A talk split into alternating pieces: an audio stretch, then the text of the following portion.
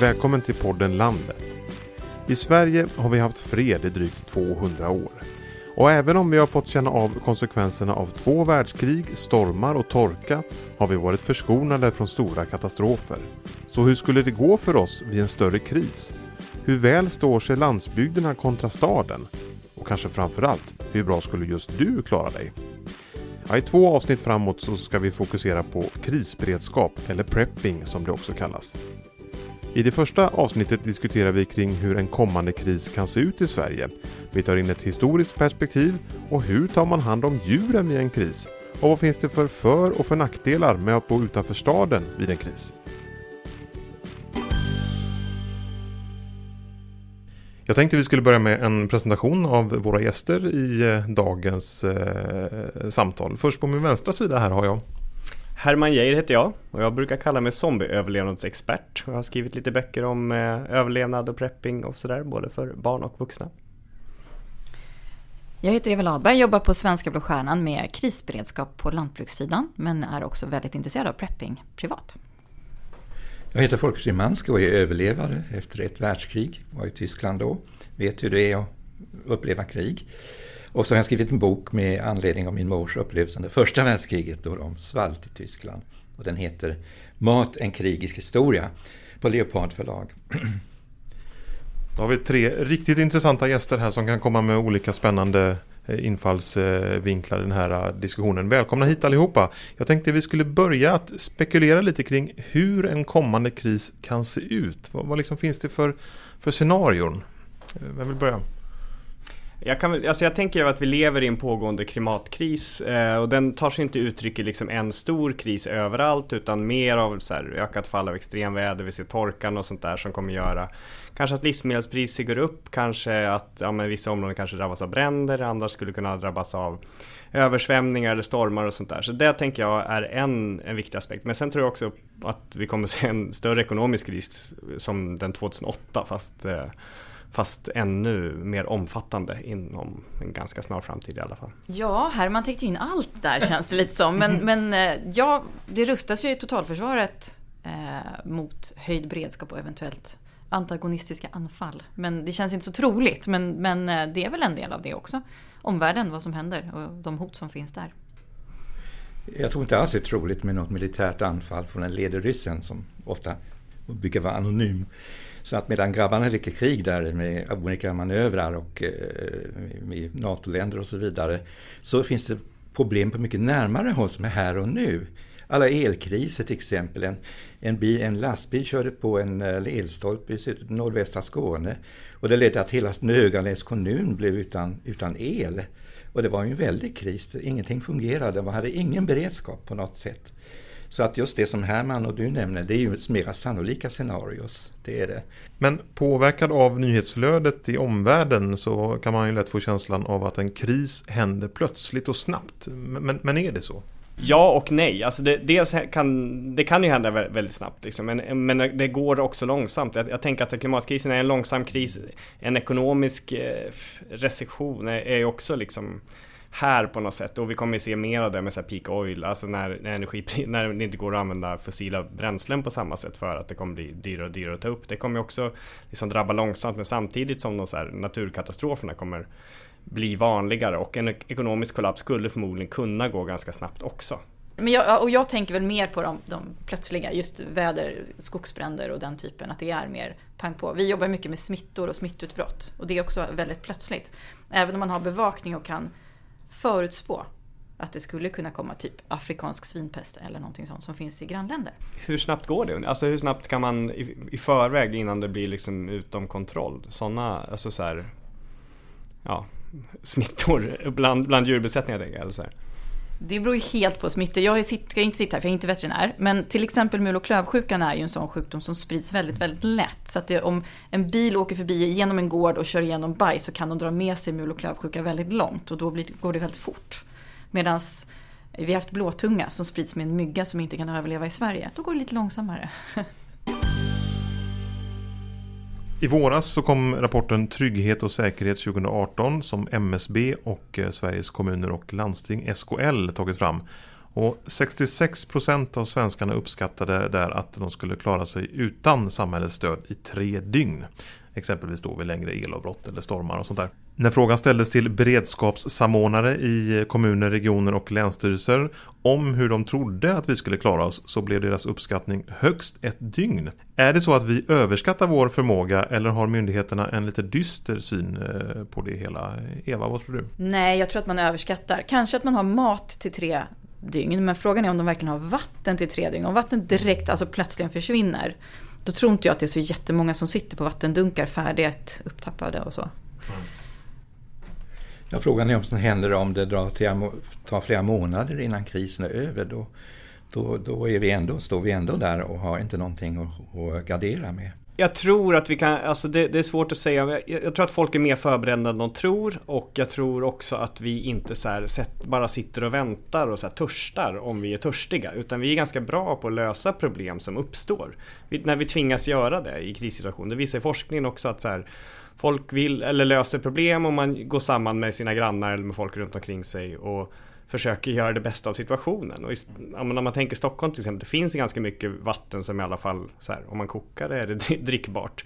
Så jag tänker, och det skulle väl bli mycket jobbigare för de som inte har dunkar hemma, men det finns ju alltid någon i en trappuppgång som har dunkar säkert. Så kan, ska man liksom hjälpas åt med, med den typen av, av, av vattenhämtning och liksom att man löser matlagning tillsammans och sånt där. Så att, jag tänker att bara de fysiska förberedelserna är inte det som är viktigt utan även att man känner grannar och att man kan organisera saker sånt där. Så att man gör en gemensam matlagning, man, man ser till att någon hämtar vatten, man liksom delegerar och gör, försöker lösa problem som uppstår. Eh, det kommer lite från ämnen om jag, om vi har en eh, överskattar vår syn. No, alltså både och tänker jag. Vi överskattar vissa delar kanske men, men underskattar andra.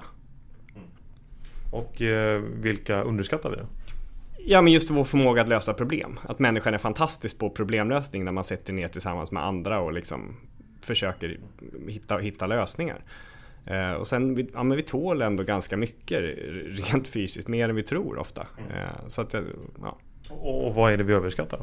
Eh, jag tror att vi överskattar kanske så här att, våra, att vi kanske har mycket kalorier hemma men, men vi vill inte röra ut mjöl och socker i vatten och, och äta liksom för att få kalorier. Det, det mår vi inget bra av psykiskt. Eh, då blir känslan av att någonting, eller av att det här, det här är liksom väldigt dåligt. Jag tror att det kommer ganska långt bort i, liksom, i, i en kris. Att vi här, gör det för, tänker bara kalorier. Utan vi, vi vill tänka mat som mat. Ja, det gäller ju också som sagt eh, vad som, i vilken situation vi befinner oss i. Det slår mig att, eh, att när folk lämnar till exempel skogsbränder som nu hände i Skåne de tar inte med sig någon mat, de tar med sig ett foton och sånt som de tycker är värdefullt. Och likadant agerar vi när vi evakuerades och sen flydde undan ryssarna. Vad jag saknar mest var den uh, kikare jag hade fått av min far i födelsedagspresent. Ja. Så att folk agerar inte så ofta och uh, det blir mera den aktuella situationen, i vår situation i flykten så fanns det bönder som samtidigt uh, flydde och då hade de ju mat som vi tills,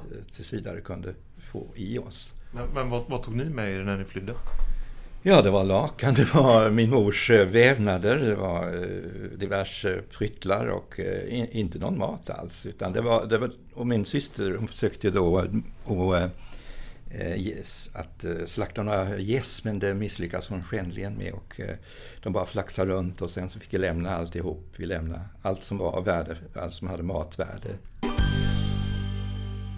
Är vi svenskar lite mer beroende av staten och myndigheterna när det kommer till en kris eh, än vad man är i andra länder tror du? Eh, det vet jag inte men jag tycker att vi ska vara beroende av stat och myndigheter därför att eh, 1939, om vi ser den situationen då, så var vi väl, väl, väl förberedda med stora livsmedelslager, ungefär 10 silos runt om kring, kring i Sverige.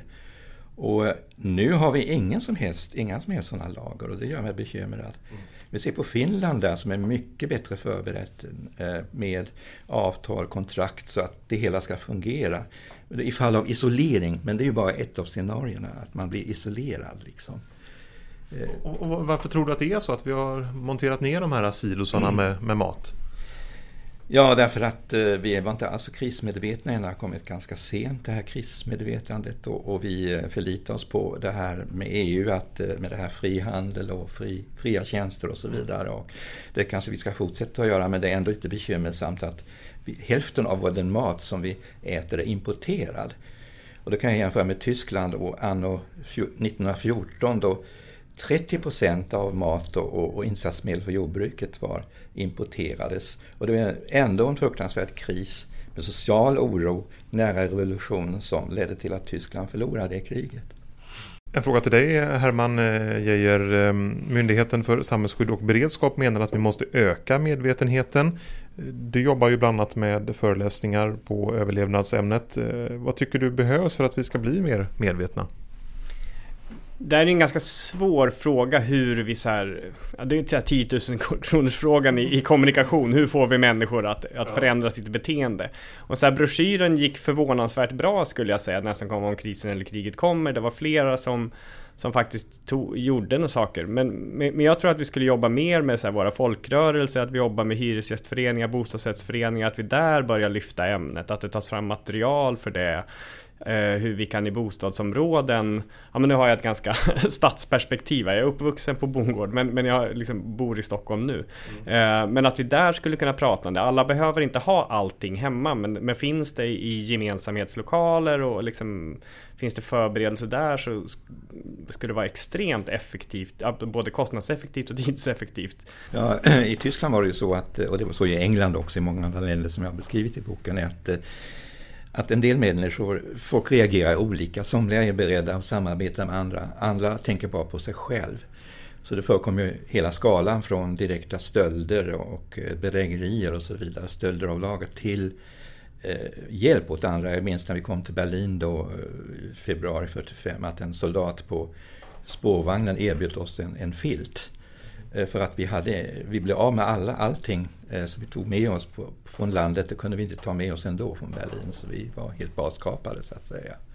Så, det, det så, så för, folk fungerar rätt individuellt i sådana här sammanhang.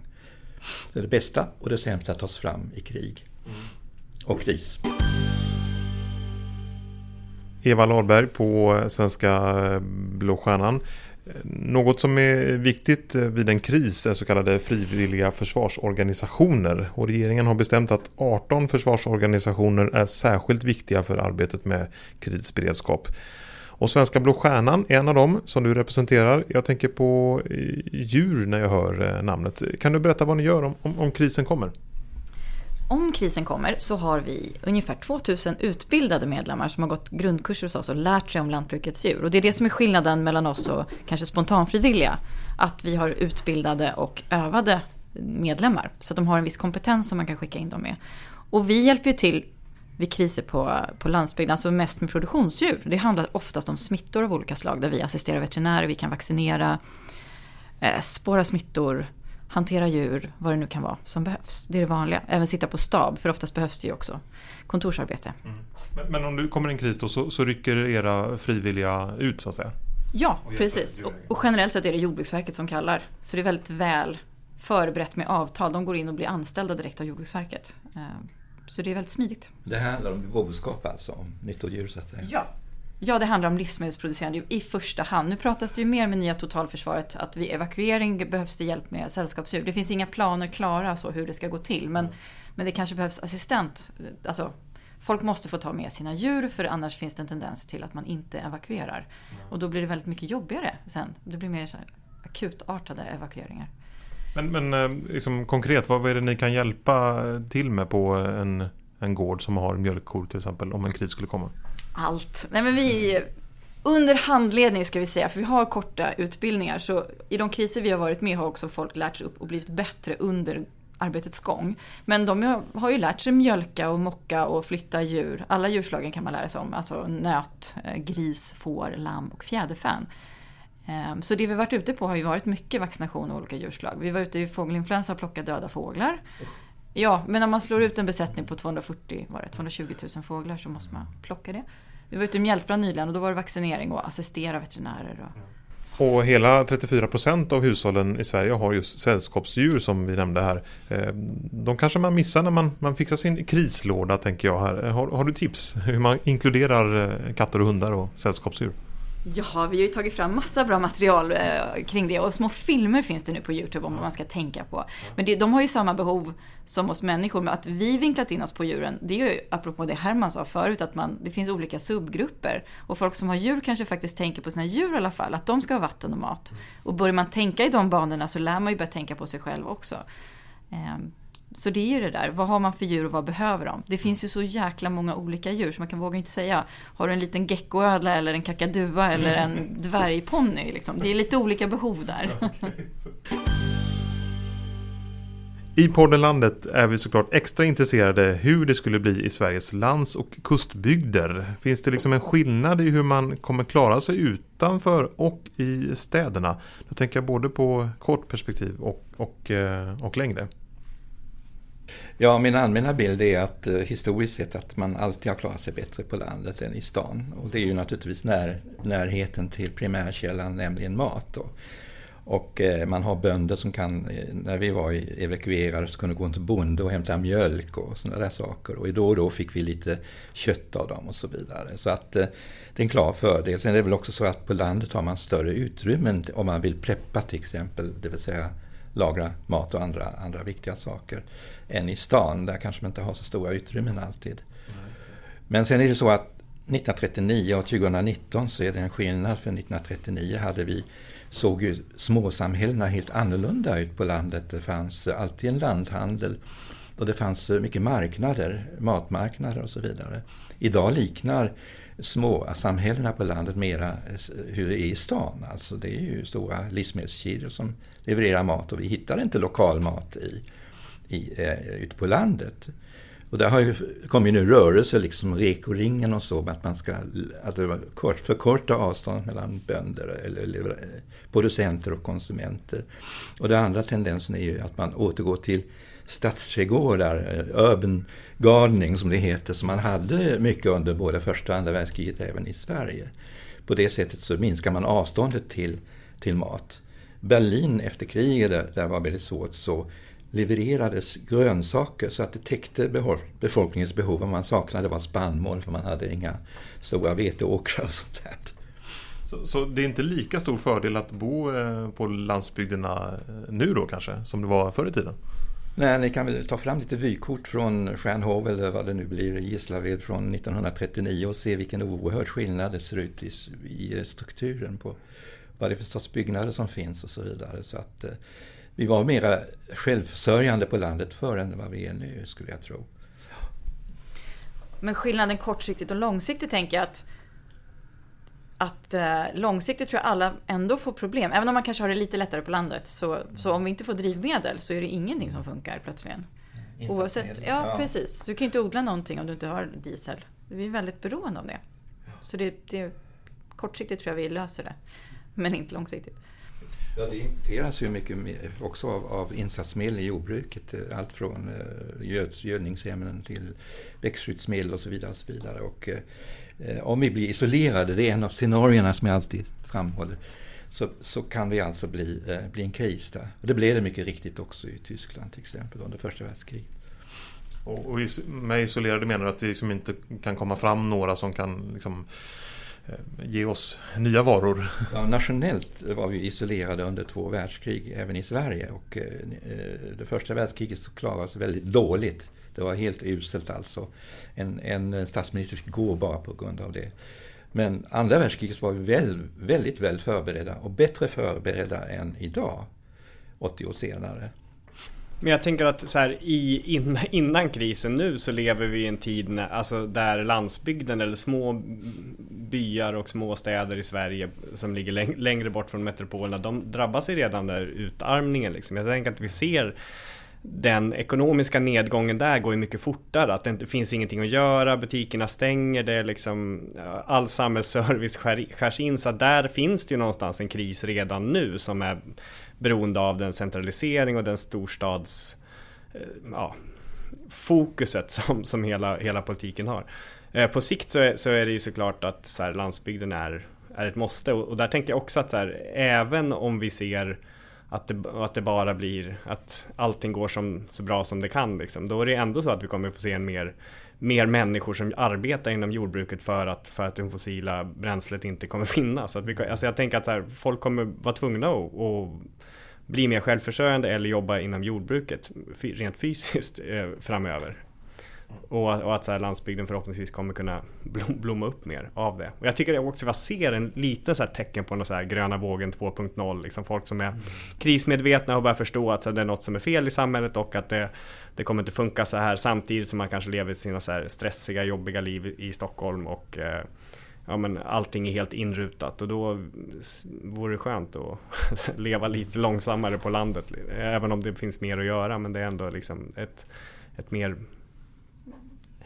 liv som är mindre alienerat, mer liksom att man lever hand till mun på något sätt. Jag, jag tänker att det ändå är något, något, eh, ja, men något som drar oss i det i samhället. Jag tänker att hela så här fascinationen för postapokalypsen och apokalypsen är också det. Liksom. Vi vill ha någonting lite enklare. Eh, vi, vi, vill förstå hur saker hänger ihop. Vi vill gräva upp en potatis och äta den på kvällen. Eller, ja. så, eh, den tendensen finns ändå i den här liksom, ja, småorternas kriser, tänker jag. Jag tänkte också bara på att det är ju en trend just med det här självhushållning och att, att kunna producera sin egen mat. Och det är ju bra ur krisberedskapssynpunkt. Vi är mycket så folk som är intresserade av att skaffa egna höns, skaffa egna bin, odla grönsaker. Och det är ju en positiv trend. Eh, framförallt kanske i städerna om man börjar ta vara på det. Och, och, och det tycker jag många studiefrämjande och liknande har tagit upp och, och utbildar inom. Ja, det var den första delen av två om krisberedskap. I nästa avsnitt fortsätter vårt samtal och då kommer vi med en hel del konkreta tips på hur man kan förbereda sig på en kris. Vad ska man ha i krislådan och hur kan man dra nytta av sina grannar? Och hur popcorn kan lösa både ett och annat vid en kris. Det får du inte missa. Peter Gropman heter jag och jag gör den här podden på uppdrag av Landsbygdsnätverket. Vi hörs!